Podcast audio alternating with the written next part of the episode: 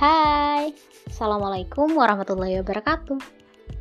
Selamat pagi, siang, sore, malam, entahlah. Kapan pun kalian mendengarkan podcast ini Hari ini aku mau cerita tentang apa yang aku rasakan beberapa bulan yang lalu.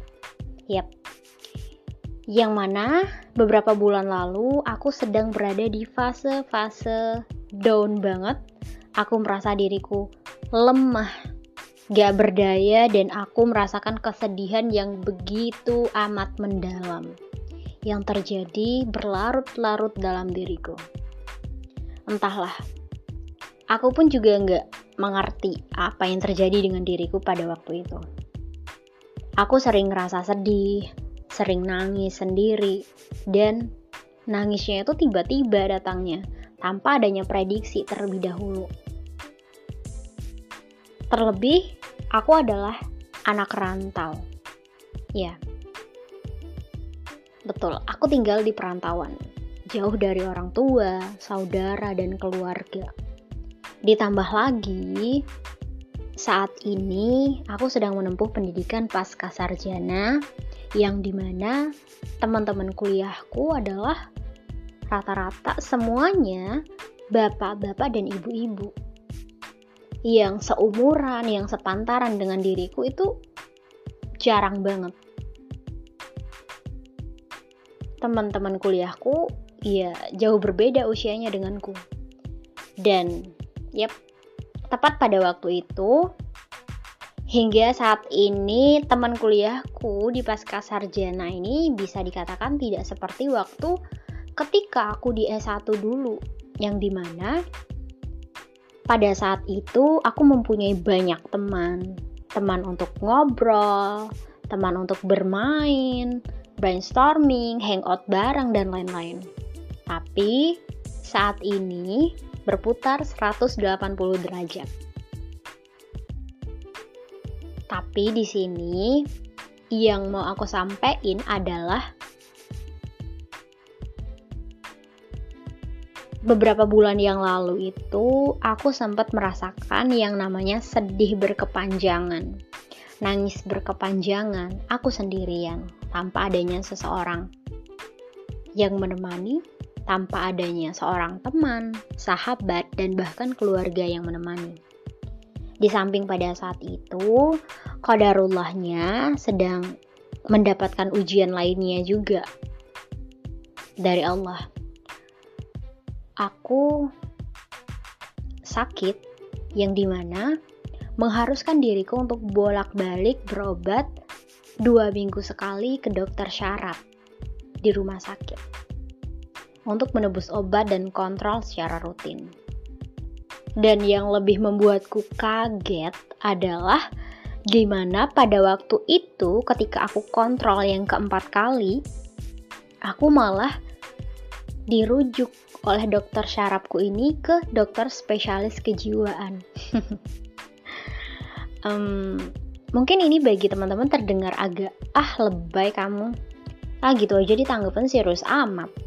Ah cuma ke dokter kejiwaan aja biasa biasa mah dan lain sebagainya. Ya nggak apa-apa kalau misalkan ada yang beranggapan begitu, nggak masalah. Oke, kita balik lagi ke, ke dokter kejiwaan ini. Nah, di dokter kejiwaan ini, aku berobatnya seminggu sekali, berbeda dengan dokter syaraf. Jadi, awalnya aku cuma berobat dan kontrol dengan dokter spesialis saraf ini ya dua minggu atau dua pekan sekali. Tapi, setelah nambah lagi dokter kejiwaan, ya aku kontrol satu minggu sekali. Jadi, otomatis aku juga makan obat dari dua dokter plus aku juga menjalankan fisioterapi dan meditasi mandiri. Untuk apa? Untuk ikhtiar membantu pemulihan dan kesembuhanku dan tentunya aku juga selalu berdoa ya kepada Robku, kepada Tuhanku semoga aku bisa diberi kesembuhan kembali seperti sedia kala. Nah, turning pointnya di sini adalah Aku sadar bahwa yang terjadi pada diriku waktu itu adalah sebuah ujian, sebuah cobaan dari Robku, dari Tuhanku kepada diriku.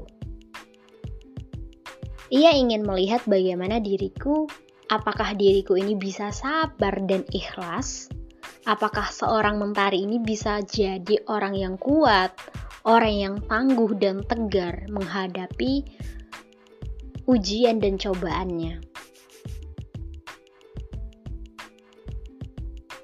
Di depan sana, begitu banyak cobaan demi cobaan dan ujian demi ujian yang akan dihadapi selama hidup di dunia ini.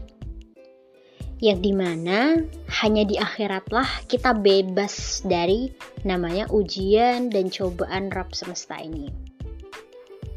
Dan Alhamdulillah dengan kesabaran, dengan mengucap istighfar secara tulus dari dalam hati yang paling dalam, aku bisa keluar dari kesedihan itu. Aku bisa keluar dari kegelisahan-kegelisahan yang berlarut-larut tersebut. Yang di mana pada waktu itu aku merasakan jiwaku hilang. Aku merasakan hampa dalam diriku.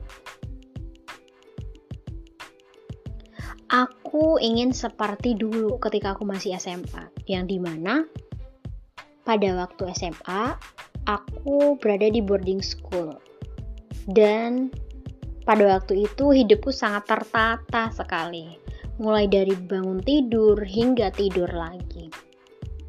Tidak ada waktu kosong, tidak ada jadwal kosong yang membuat aku berleha-leha seperti itu.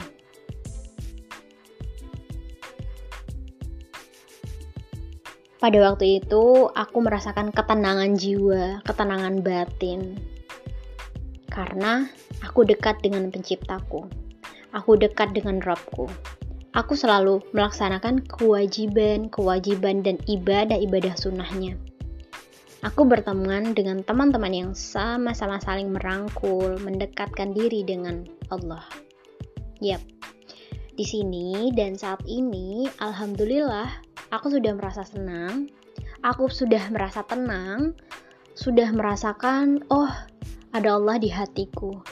Aku selalu mengingat Tuhanku di mana pun dan kapan pun itu. Tenang sekali rasanya jiwa dan raga ini jika menghadirkan Allah di setiap atau di segala langkah aktivitas kita. Rasanya aman, nyaman, dan tentram sekali.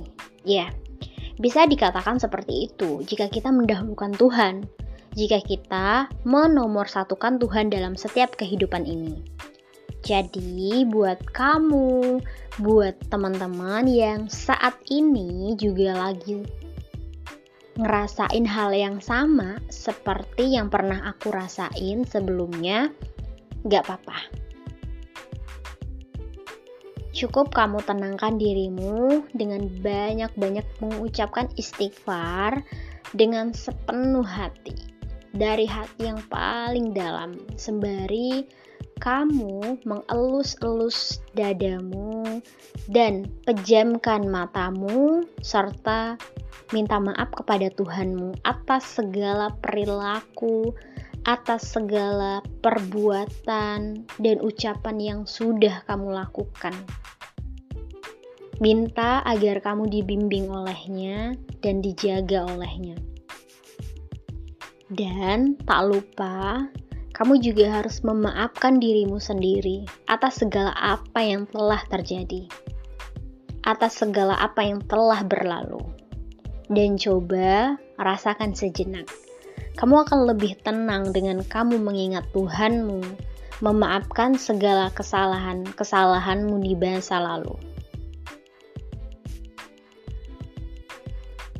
Oke, okay. terima kasih.